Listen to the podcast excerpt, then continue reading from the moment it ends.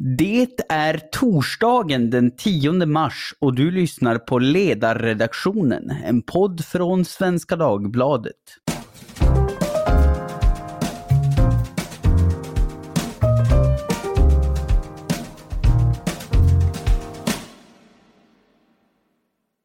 Jag heter Jesper Sandström och vi ska hålla oss kvar vid det ämne som dominerar hela vår värld just för tillfället. Invasionen av Ukraina alltså, men idag ur ett lite annorlunda perspektiv. Ryssland har ju som en följd av vårt val att stödja Ukraina med vapen placerat oss på en lista över så kallade ovänliga länder.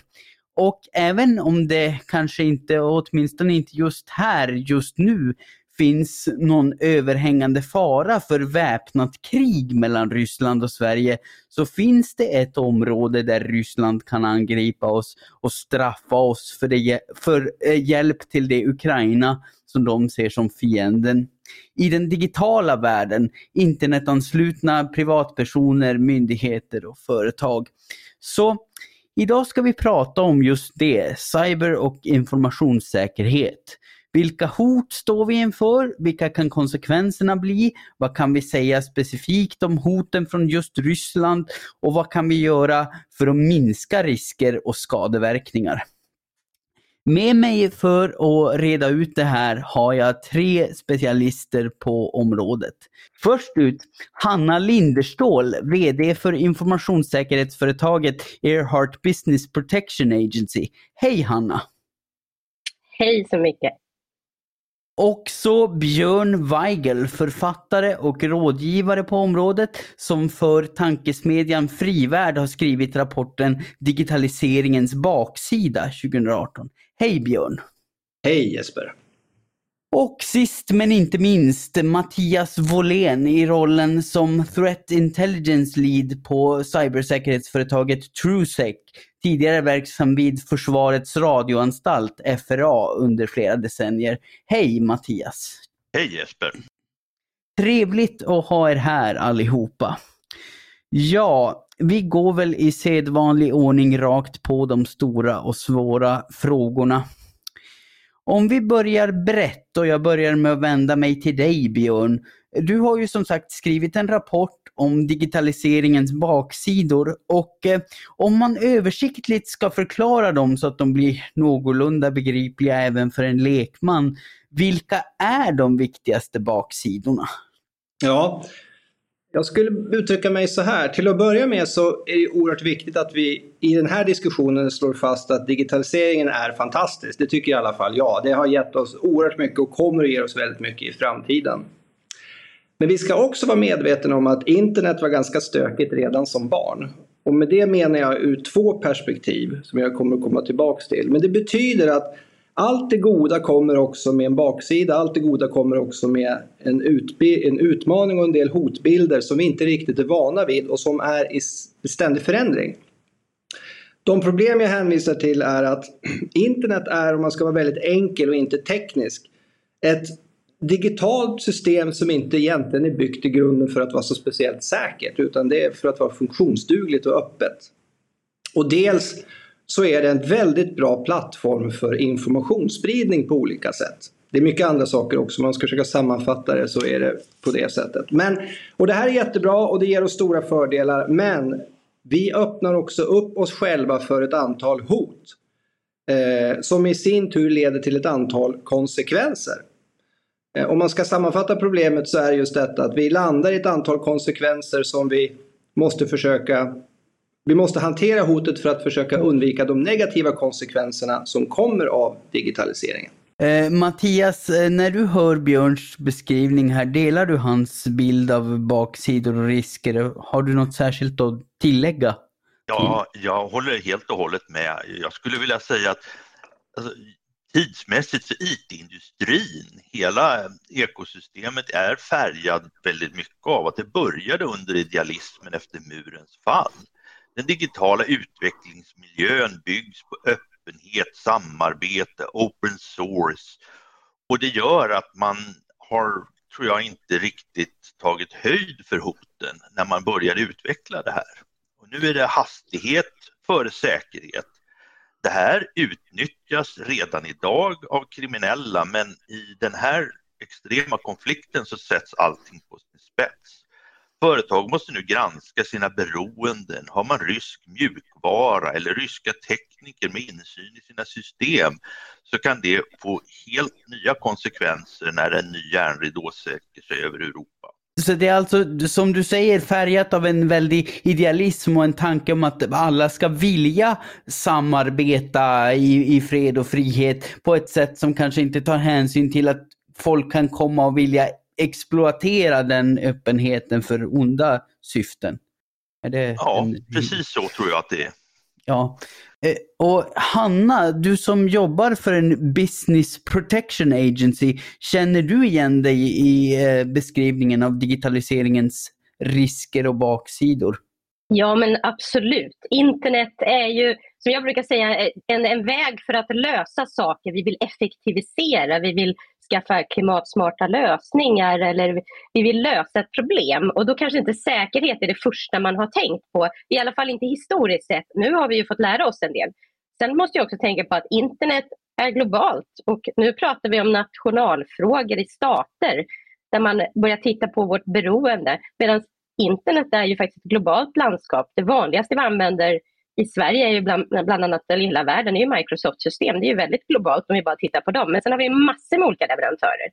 Och inte nog med det så har vi våra sociala medieplattformar som är kommunikationslandskapet. Och de har ju fått utvecklas egentligen helt utan regler och riktlinjer. Mm. Någonsin. Eh, och, och det här har också då öppnat upp för utnyttjande från folk som har ljusskygga syften, menar du? Absolut. Absolut. Och jag anser ju att cyberattacker och informationspåverkan går ganska mycket hand i hand. Att störa ett samhälle med en cyberattack och använda i propagandasyfte funkar väldigt bra. Mattias, du har ju jobbat mycket med särskild inriktning på ryska cyberkriminella nätverk.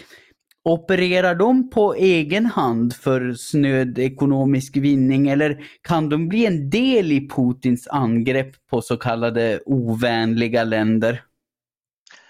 Ja, alltså vi Prusek kan ju se att det finns redan idag kopplingar mellan cyberbrottslingar och eh, säkerhetstjänsterna i Ryssland. Men det är i första hand på ekonomisk basis, det vill säga kommer man över information i samband med att man begår brott som skulle kunna intressera säkerhetstjänsten, ja så säljer man den till säkerhetstjänsten. Mm. Men den ryska regeringen tillåter ju den här brottslingen. Och den för in stora summor pengar till Ryssland från väst. Ryska brott, cyberbrottslingar får agera fritt i Ryssland så länge de inte angriper några företag inne i landet. Mm. Och på det viset så blir ju cyberbrottsligheten i någon bemärkelse en del i en ekonomisk krigföring där man accepterar att brottslingar för över stora pengar från eh, väst till Ryssland. Sen tror jag att om den nuvarande utvecklingen i Ryssland där Ryssland isoleras mer och mer och den, om den fortsätter och Ryssland till slut blir då som en rogue state, ungefär som Nordkorea, då kan vi se vad händer i Nordkorea idag? Jo, där använder man statens cyberförband för att tjäna pengar åt regeringen genom cyberbrottslighet. Och det är någonting som skulle kunna hända i en framtid om Ryssland fortsätter att vara isolerat på det sätt som de blir nu. Eh, Hanna, ha, har ni på ditt företag identifierat någon särskild eller med anledning av kriget i Ukraina förvärrad hotbild mot myndigheter och företag i Sverige? Ja, det, det är ju klart att i, i och med, precis som tidigare talare sagt, att, att vi har tagit ställning i kriget, vi har skickat material, eh, så hamnar vi också på arenan som potentiellt mål. Och tittar man, vi har tittat ganska mycket på metoden över de attackerna som har skett i Ukraina.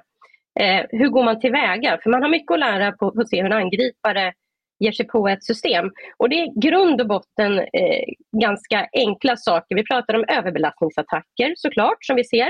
Det här vi kallar för, för distributed denial of service-attacker eh, som är väldigt vanligt och det sker ju över hela världen hela tiden. Och det sker ju i Sverige hela tiden också. Det är en del av internets landskap idag, både av kriminalitet men också påtryckningsmedel.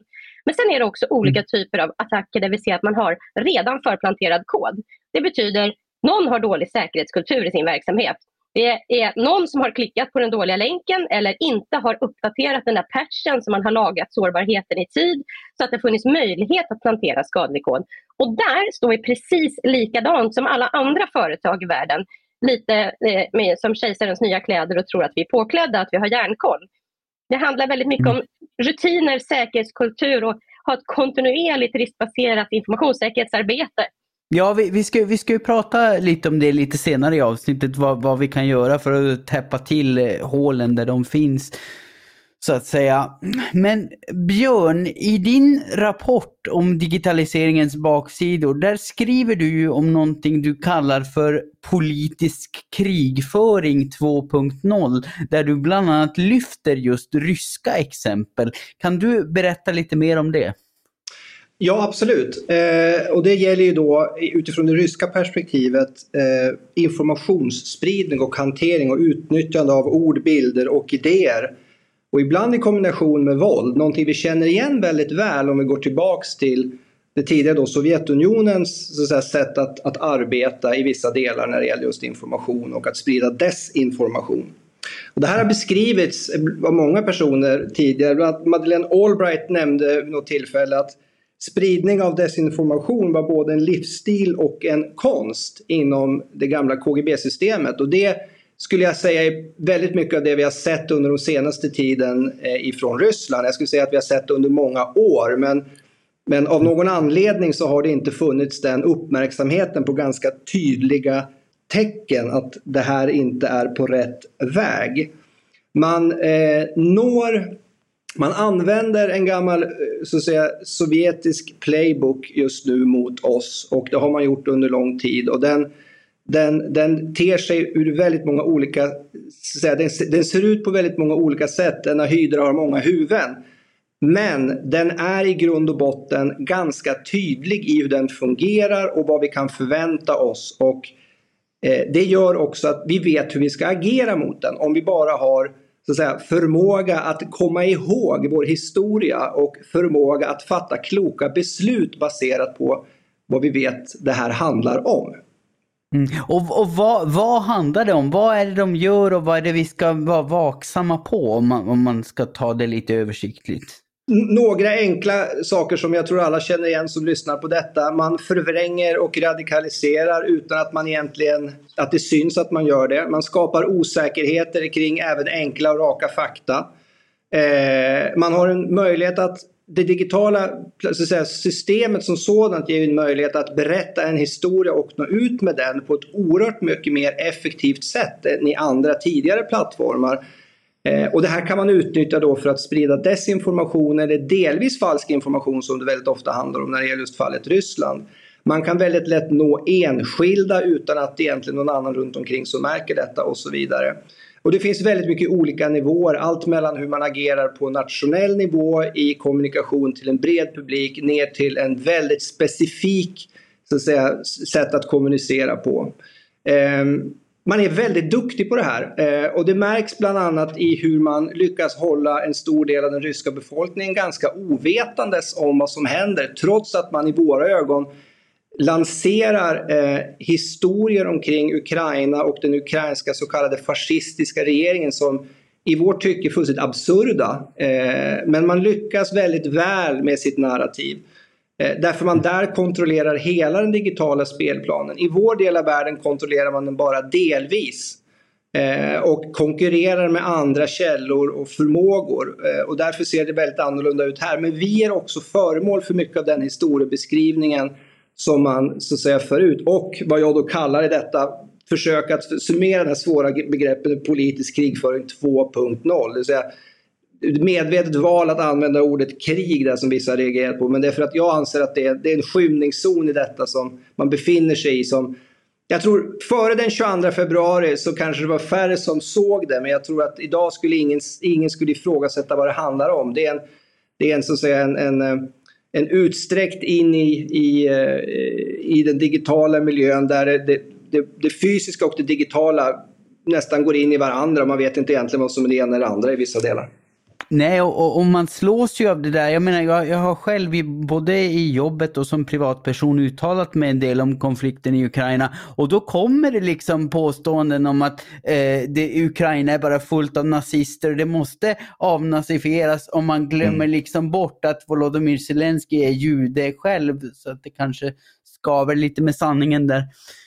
Ja, ja. Eh, men Hanna, utifrån din horisont eh, där du försöker skydda företag och organisationer, Tror du att vi kommer få se mer av politisk krigföring där cyber och informationsangrepp tar en allt större roll på den internationella politiska arenan? Och det blir ett sätt för stater att liksom föra konflikt med varandra?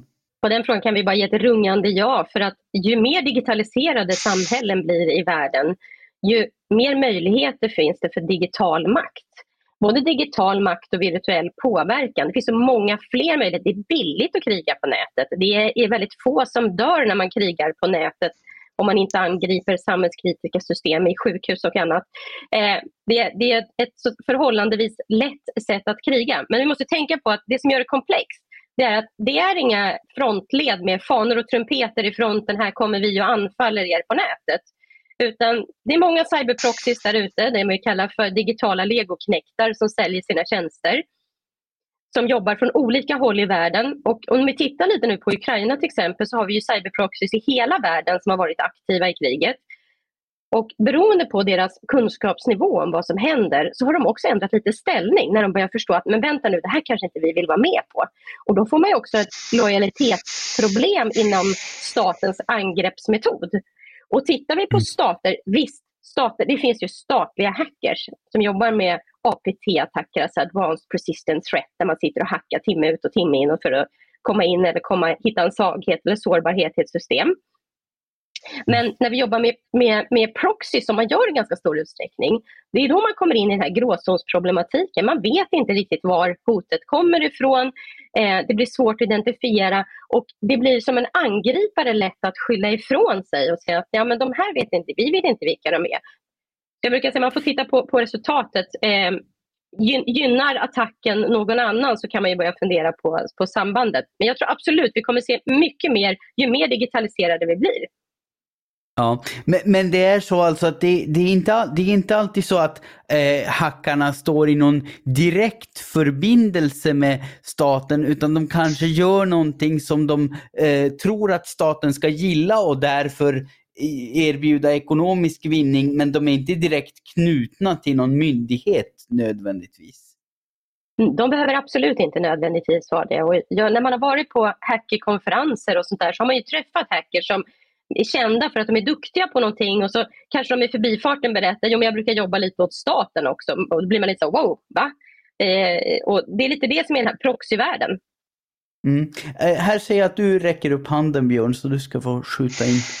Ja, jag tror att vi kommer att skriva hyllmeter om eh, forskningsrapporter från det som nu händer i Ukraina och de olika faser vi befinner oss i för att förstå de här systemen och logikerna. Eh, vi, vi har ju, det är helt riktigt som, som Hanna säger. Eh, vi kan också konstatera att vissa territorier är skyddar eh, eh, personer som får då agera ganska fritt men i den mån man blir uppkallad för att utföra husses jobb så gör man det eh, utan att tveka för det är det som gör att man har sitt beskydd. Eh, det vi ser nu i Ukraina är i olika faser. Det började med en upprullningsfas fram till kriget började där vi såg några extremt aggressiva attacker mot Ukraina. Jag var förvånad över att det inte skedde mer. Men nu börjar jag en åter, så att säga, omvändas lite grann i det att jag ser att det sker väldigt mycket just nu från enskilda aktörer på olika håll som ger sig på varandra på olika sidor. Där väst representeras av en väldigt disparat grupp individer och det är långt ifrån bara stater och statliga aktörer utan det är till och med enskilda som ibland kanske ger sig in i en värld de inte riktigt förstår hur farlig den är. Eh, men det, det sker just nu oerhört mycket om man ska uttrycka det så i den här tragiken, väldigt mycket intressant på det här området för att förstå cyberhotets faktiska utfall. Vem utför, vad gör de, vad får det för effekt och vad kan vi lära av det i framtiden? Mm, mm. Jag ser eh, att även du Mattias har något att tillägga här. Jo, eh, dels vill jag säga att man, man, måste förstå och skilja på cyberattacker och cyberattacker. Det finns en övertro enligt mitt bedömning på den enskilda hackern som sitter i källaren och agerar och är hacktivist och, och gör så. Mycket av det som sker från sådana hacktivister är idag, i alla fall än så länge, mer av vad jag kallar digital graffiti. Det är överbelastningsattacker, man kanske hackar en webbsida och lägger ut ett hånfullt budskap och så vidare det är inte systemhotande attacker. De systemhotande attackerna som görs, det görs av militära cyberförband som eh, sitter mm. i kontor, stora kontorslandskap och jobbar 9 till 5 när de inte har beredskap. Det är inte ensamma hackers. Nej. Och jag skulle vilja också lägga till att det som, det som vi ser med eh, den här cybervärlden idag och konflikterna är att gränsen mellan fred och krig suddas ut.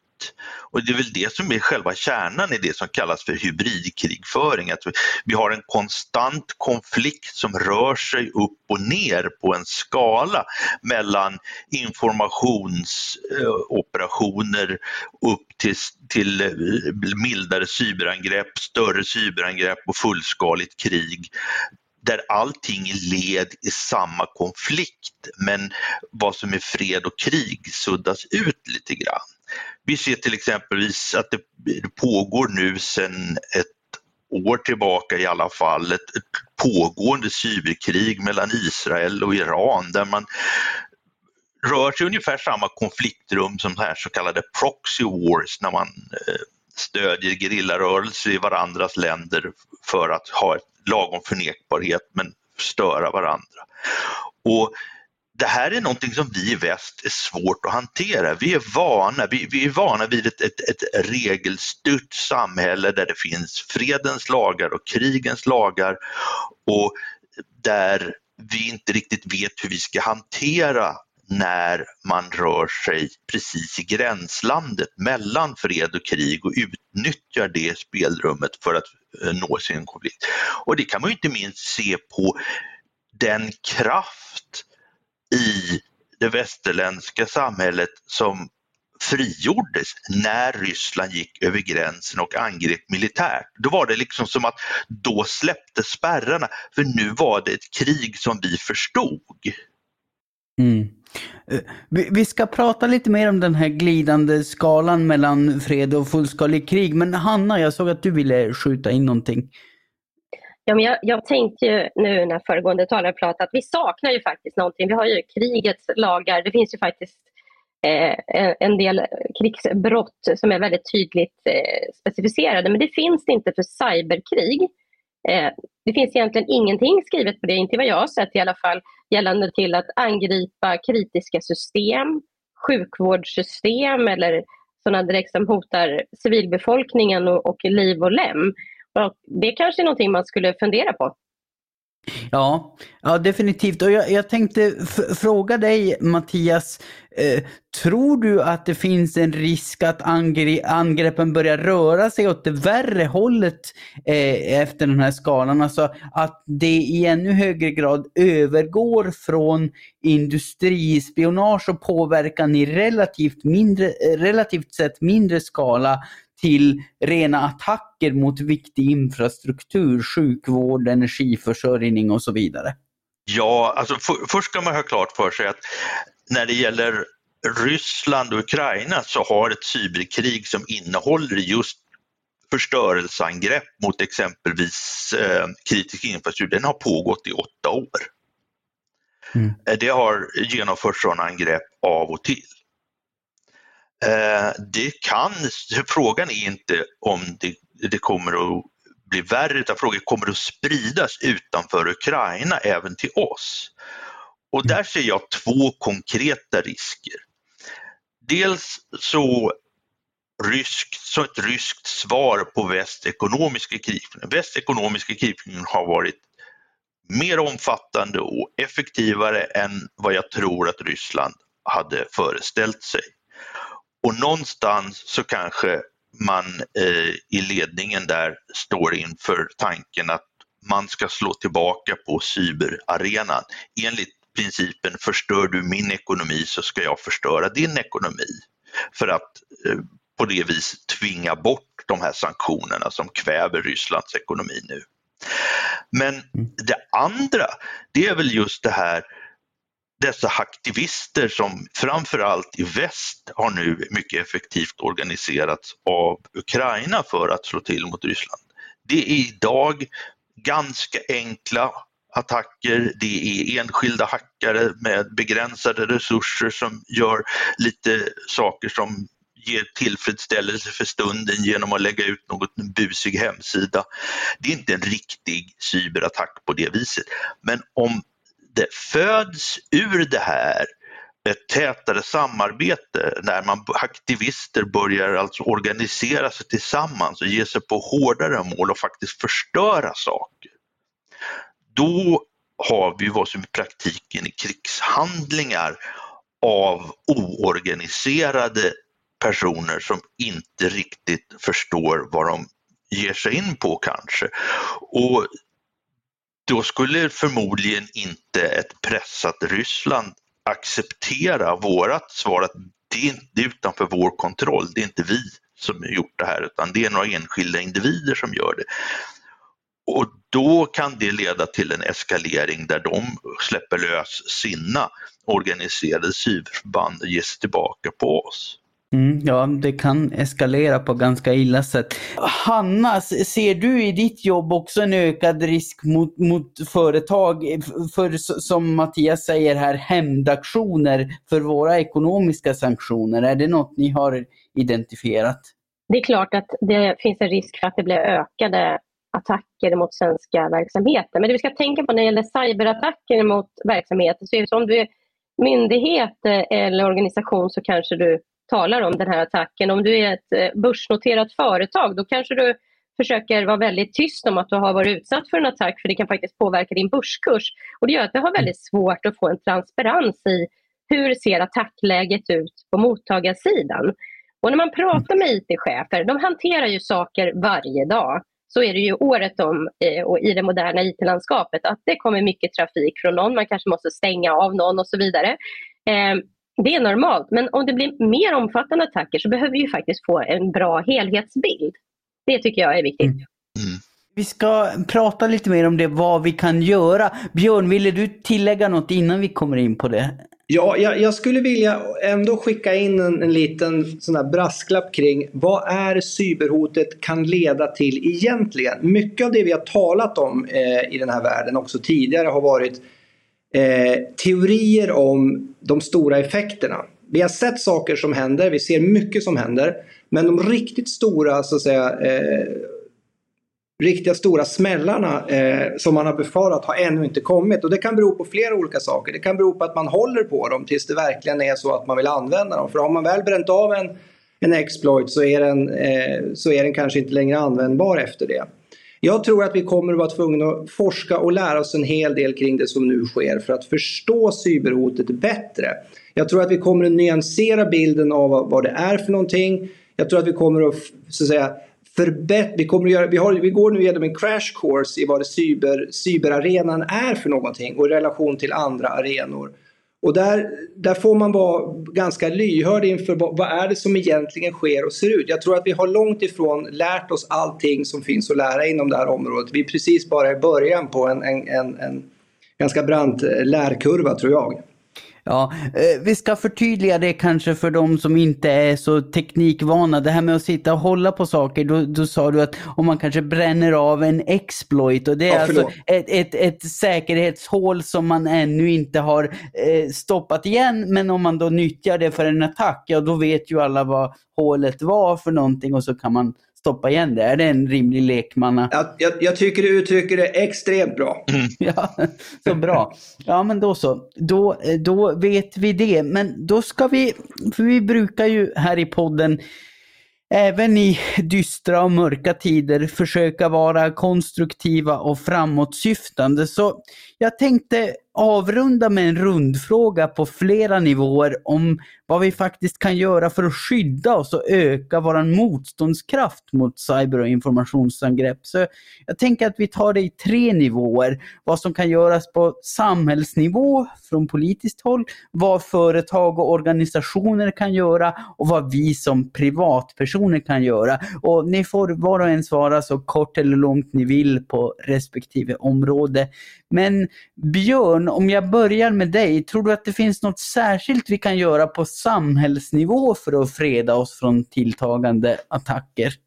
Absolut. Eh, jag tycker den första och väldigt viktiga saken, och det ser vi mer och mer tendenser till också, det är att vi samordnar med omvärlden.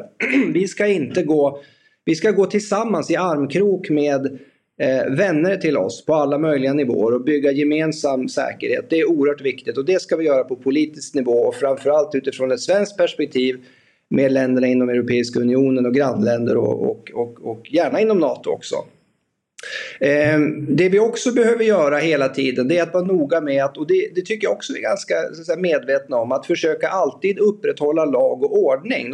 Ett rule, rules-based system även på nätet. Eh, vi, även om det är svårt så ska vi hela tiden sträva mot detta för det är i grund och botten den enda vägen framåt för att vi ska kunna bygga en, en stabilitet som gynnar oss. Och det tredje jag tycker vi ska göra det är att vi behöver titta på vilken typ av forskning bedriver vi. Eh, och, och, kan vi möjligen skynda på den för att förstå hotet mer. Sen har vi en militär dimension på nationell nivå men den lämnar jag därhän. Den är ganska uppenbar. Vi behöver kapacitet för att kunna mm. hantera frågeställningen. Jag går vidare till dig Hanna. Har, har du något särskilt att säga om vad, vad, vad, vi kan göra på samhällsnivå? Ja, men alltså det som jag tänker på i, först och främst, det är väl kanske att, att lagstiftningen hänger med. Eh, det är ju en ganska viktig del. Och sen så tycker jag nog eh, lite som, eh, som vi var inne på i början här när det gäller eh, vem hanterar vårt data? Vem har access till vårt data? Är det så att vi ska ha mer regleringar kring upphandlingar när det gäller informationssäkerhet? Ja, det är det ju såklart. För det, där är vi ju ganska, det haltar vi ganska mycket idag. Eh, så det finns mm. mycket sådana generella samhällsfrågor som vi skulle behöva jobba väldigt akut med och de skulle vi behöva ha gjort i förrgår. Till exempel sånt som, ja men om man tänker på Transportstyrelseskandalen där, där väldigt känsliga data flödade kring lite hur som helst. Ja precis, Transportstyrelsen med andra i gott sällskap av många andra aktörer som har gjort väldigt sårbara upphandlingar. Eh, man har systemlagring på, ställen där man kanske har access som man inte riktigt har förstått att man har. Eh, det kanske är så att den som köper upp inte är kunnig om informationssäkerhet utan man tittar på funktion och pris i första hand. Och informationssäkerhet kanske inte ens är med på bordet. Och det tror jag är ganska vanligt idag. Att man, om man väl kliver in i en organisation och trycker på och frågar vem hanterar ditt data? Var finns ditt data? Eh, det är väldigt få som kan svara på alla delar. Och det såg vi ju i december här, 10 december när den stora sårbarheten Log4j blev känd. När man gick ut och frågade använder ni Log4j och folk skruvade lite på sig och sa vi är inte riktigt säkra, vi måste börja inventera först. Eh, och, och, då har man en ganska lång resa innan man hinner patcha den här eh, sårbarheten som för övrigt var en, en, riktigt ruskig sårbarhet. Man kunde ju remote injicera kod i ett system, alltså kunde få systemet att göra någonting. Och då ska man förklara igen för lekmän kanske att utan att nödvändigtvis ha fysisk eh, eh, tillgång till systemet så kunde man ta kontroll över det och få det att göra vissa saker. Ja, man behövde bara ha tillgång eh, till, till något system som var uppkopplat mot Log4j och det var det vi såg i Minecraft och jag med många andra var ju tvungen att testa det här såklart för att se hur det funkade. Och det var en mycket kort liten kodsträng för att faktiskt kunna både öppna och stänga fönster på kompisens dator och sådär. Eh, det är ett ganska tydligt sätt att visa att ja, det är lite skojigt i ett spel, men det är inte mm. skojigt om du gör det på samhällsnivå. Nej, nej precis. Jag förstår. Mattias, vad har du att säga om skyddet på samhällsnivå? Vad, vad kan vi göra? Ja, jag håller med båda eh, för, eh, föregående talare här. Eh, sen tycker jag att vi behöver ett totalförsvarstänk om cybersäkerhet. Eh, idag är Sveriges cyberförsvarsförmåga uppdelad dels på olika myndigheter men den sitter faktiskt också hos flera privata aktörer. Och det finns idag svårigheter för myndigheter att samarbeta med privata aktörer som TrueSec när det gäller cybersäkerhet. Och vi på TrueSec till exempel, vi sitter förmodligen på Sveriges bästa kunskap om cyberbrottslighet. Vi har en avsevärt mycket mer kunskap om cyberbrottslighet än vad myndigheterna har. Och det beror bland annat på det här som eh, Björn var inne på, att man rapporterar inte.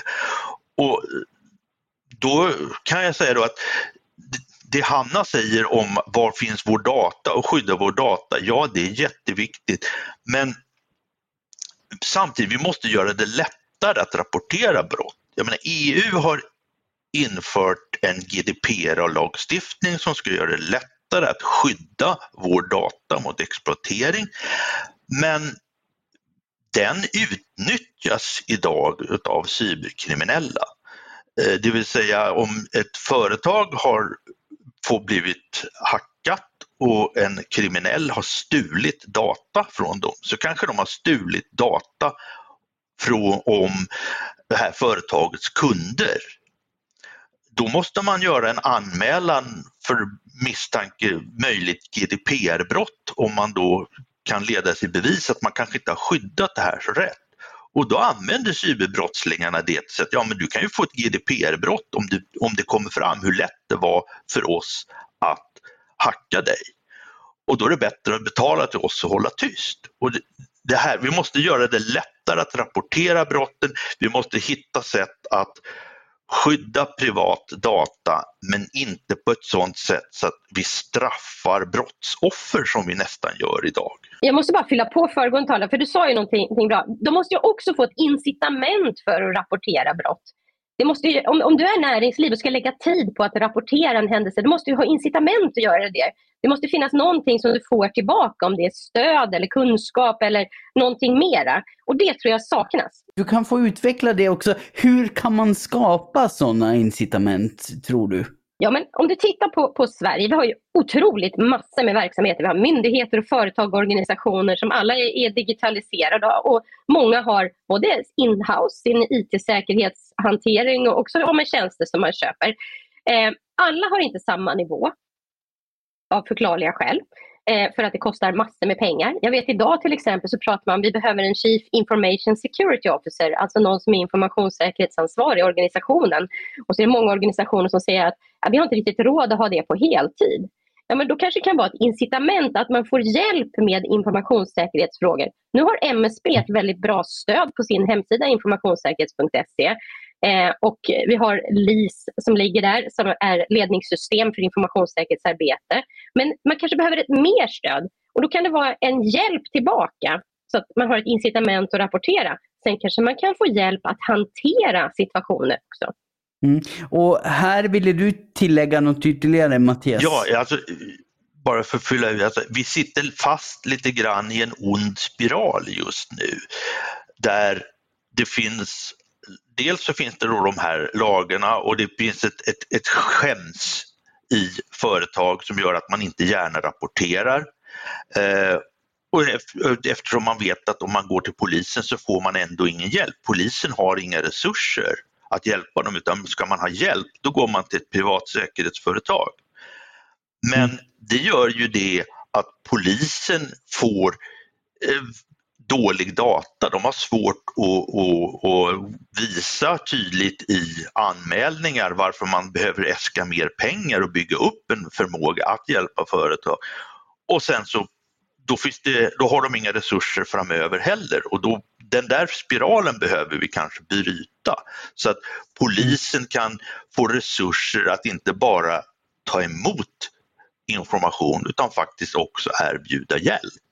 Ja, och då, och då, har vi pratat lite grann om vad vi kan göra på samhällsnivå. Men, men innan det är gjort då, eh, Hanna, inom er organisation så jobbar ni ju med, just med att hjälpa eh, företag och organisationer att skydda sig. Och vad kan de göra idag då för att öka sin motståndskraft?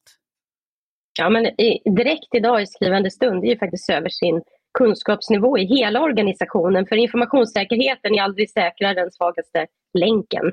Och eh, vi har ganska mycket vad vi kallar för skugg-IT i våra system. Det betyder att du kanske har en stor decentraliserad organisation och så någonstans där ute så är det någon som har köpt in ett system som kanske IT centralt inte känner till, som ändå är uppkopplad på nätverket till exempel. Den typen av sårbarheter eller att eh, man har eh, uppkopplingar som man inte har upphandlat med informationssäkerhetskontroll. Så kunskapshöjande insatser tycker jag är jätteviktigt.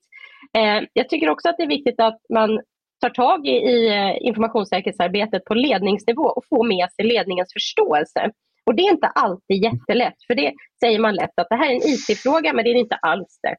Utan det här är en ledningsfråga. Så att får man attention i ledningen och kan få med sig hela vägen i organisationen så har man ganska mycket hämtat. Mm, mm. Mattias, även ni på TrueSec är ju inriktade på just detta, att skydda företag och organisationer från cyberangrepp. Så vad kan de då göra utöver förstås att slå en signal till er? Ja, alltså det är precis som Hanna säger, mycket handlar om kunskap. Man måste förstå hotet och man måste kunna förstå hur ser angriparnas modus ut så att man kan använda sina investeringar i cybersäkerhet rätt. Ehm, mm. Nu är vi i en exceptionell situation med risk för cyberkrig och vi på TrueSec försöker ta ett samhällsansvar och vi delar faktiskt med oss en hel del råd och checklistor på vad man bör prioritera som finns tillgängligt att ladda ner helt gratis från vår hemsida. Men mm. annars är ju också ett, det kanske snabb snabbaste, enskilt snabbaste och bästa sättet att steppa upp sin cybersäkerhet är att se till att ha en ordentlig övervakning av alla datorer i IT-miljön. Därför att vi måste, man måste säkra skydda perimetern, man ska uh, se till så att det är så svårt som möjligt att komma in, men man kan aldrig göra det omöjligt att komma in. Och då behöver man någon typ av effektiv övervakning som ser att någon är inne och kan hejda dem i tid. Sen mm. är det som vi också har pratat om tidigare, det är man måste applicera alla kritiska mjukvaruuppdateringar inom 48 timmar. Det är ungefär så lång tid man har på sig innan de kan börja exploateras av brottslingar eller statsaktörer. Säkerhetskopiering av all kritisk information och se till att den här säkerhetskopian finns offline, inte är tillgänglig via nätverket. Använd alltid multifaktorautentisering. Och så, ha en plan för hur man ska agera om något händer, om man ändå blir hackad. Hur gör man? Hur ser kommunikationsvägarna ut? Hur ser eskaleringsvägarna ut? Många gånger så tar det massor med tid att hantera en incident som går bort bara därför att när IT-systemet är borta så är också det kommunikationssystem man använder har gått ner. Och ja. sen så se över alla beroenden av mjukvaror och hårdvara. Och idag speciellt mjukvara, hårdvara personal i Ryssland eller Belarus. Har du ett, eh, använder du och är beroende av ett mjukvara som eh, kommer från Ryssland så vet du inte hur länge du kan använda den eller vad som kommer att hända. Eh, Hanna, du hade något att tillägga här. Ja, Mattias har ju massa bra saker eh, så att eh, vi bara fylla på checklistan.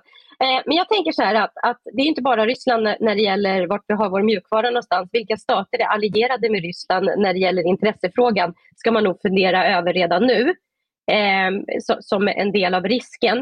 Eh, vi är väldigt beroende av system som kommer ifrån några av världens största leverantörer där bland annat Kina ligger väldigt centralt. Kina har ju dessutom sin underrättelselag som är väldigt omfattande och väldigt styrande.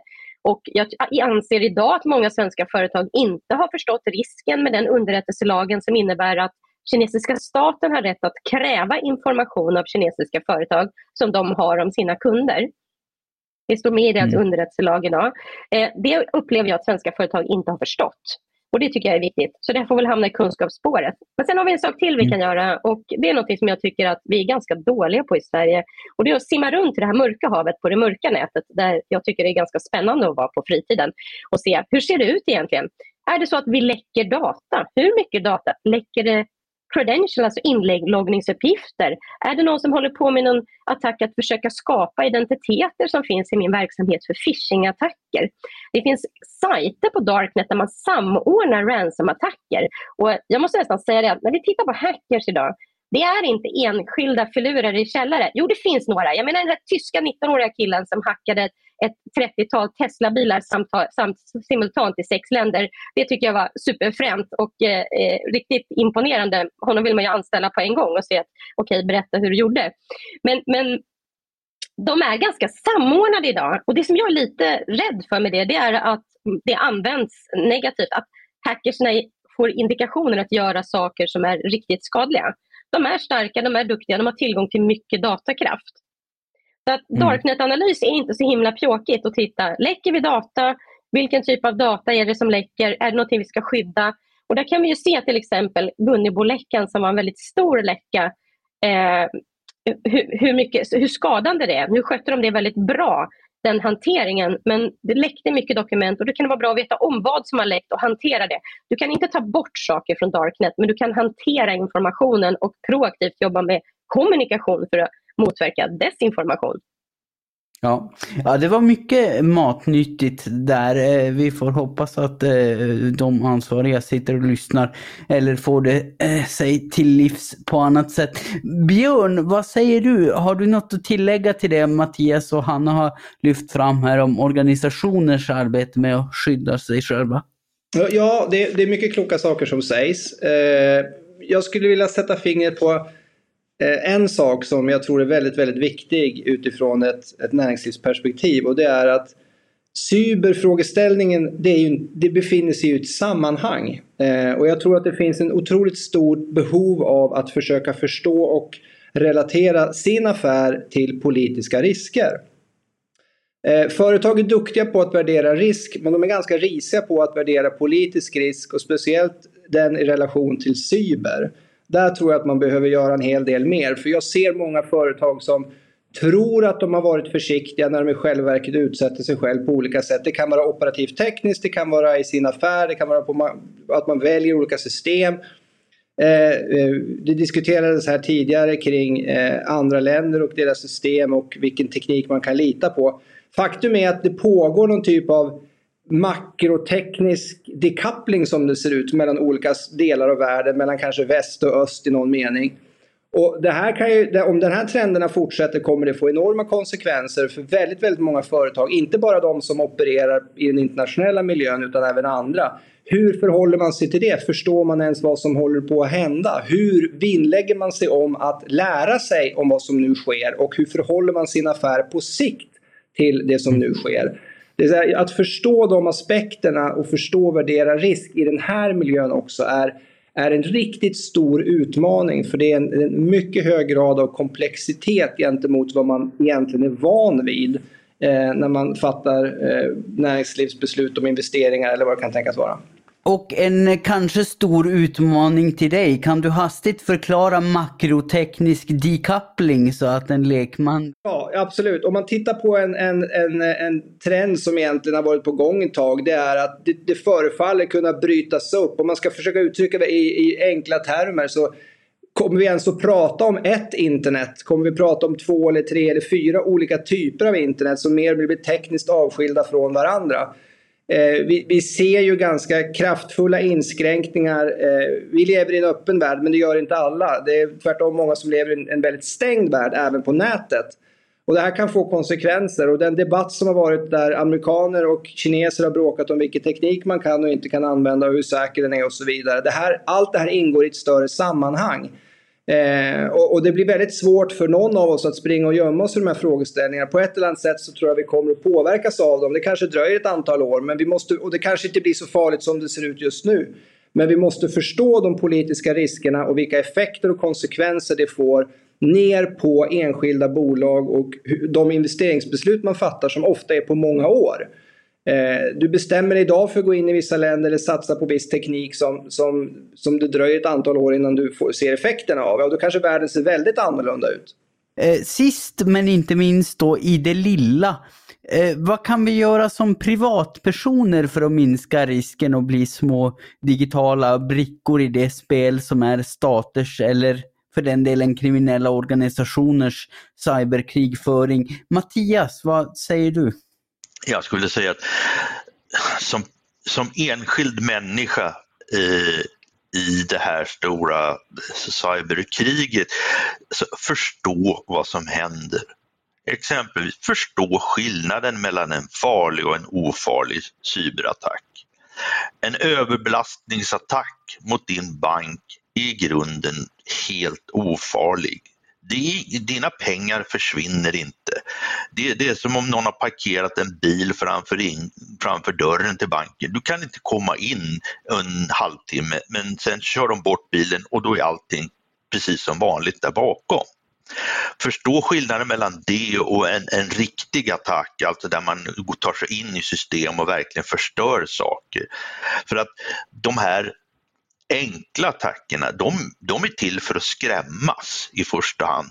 Och de fungerar därför att vi inte förstår skillnaden mellan en farlig och en ofarlig cyberattack och hör bara ordet cyberattack och blir rädda. Och det gäller tycker jag även media att rapportera cyberangrepp på ett eh, mm. så klokt sätt som möjligt så att man liksom är tydlig med att förklara även effekterna. Men även då drabbade organisationer att om man går ut öppet och förklarar vad det är som har hänt så kan man sätta det i ett sammanhang så att man inte bidrar till att osäkerhet som ökar rädslan i samhället onödan. För det är precis det angriparna är ute efter. Mm. Och det kan man analogt kanske säga det också att en, om en överlastningsattack motsvarar att köra och ställa bilen framför dörren till banken. Det kan ju liksom vilken idiot som helst göra. Mm. Du behöver inte vara elitsoldat för att, för att ställa en bil framför bankdörren. Men du behöver kanske vara lite mer tränad om du ska bryta dig in i banken och, Exakt. och stjäla Ja men sanningen är att våra storbanker är förmodligen de bäst skyddade organisationerna i hela landet mot för cyberangrepp. Därför att de måste det för sin mm. verksamhet. Ja. Ja. Eh, Hanna, har, har du något att tillägga om vad vi kan göra i det lilla på individnivå? Ja, men nu ska jag försöka vara väldigt pragmatisk. Då. Jag, jag, vi utreder ju ganska mycket spionage och misstankar i verksamheter och där lär man sig en hel del och det är oftast de små grejerna. Så om du som privatperson tänker på att inte låna ut din jobbdator till barnen när de ska gamea. Det är en sån här grej där det har läckt ganska många gånger information. Det är en dålig grej. Eh, att du inte installerar konstiga appar och program på din tjänstemobiltelefon där du kanske hanterar inloggningsuppgifter eller annan känslig data är också en viktig grej att tänka på. Väldigt pragmatiskt och enkelt. Sen handlar det om vad du gör på nätet och det tycker jag är extra viktigt i en krigssituation där Europa befinner sig nu. Att tänka innan du gillar och delar saker på nätet. Jag brukar alltid säga att no, no tweets after wine o'clock är ett ganska bra motto. För det är då man någonstans börjar tweeta väldigt mycket. Så man tänker till lite grann och inte blir en nyttig idiot i systemet. För det är ganska lätt att hamna där. Det är ganska lätt att svepas med och vi har ju ganska publika personer, ingen nämnd, ingen glömd, som har delat bilder som till exempel inte är tagna i Ukraina i, i år mm. eh, och hävdat att det är det och så vidare. Så där tycker jag att vi kan vara lite extra duktiga. Och sen till slut då, om jag nu sitter på en tjänst där jag har tillgång till känslig information och så har jag lite bråttom och jag hinner inte starta mejlen, då är inte Messenger ett alternativ på Facebook. Det är en ganska dålig idé och inte heller min privata Gmail. Och då är ingen nämnd och ingen glömd där heller.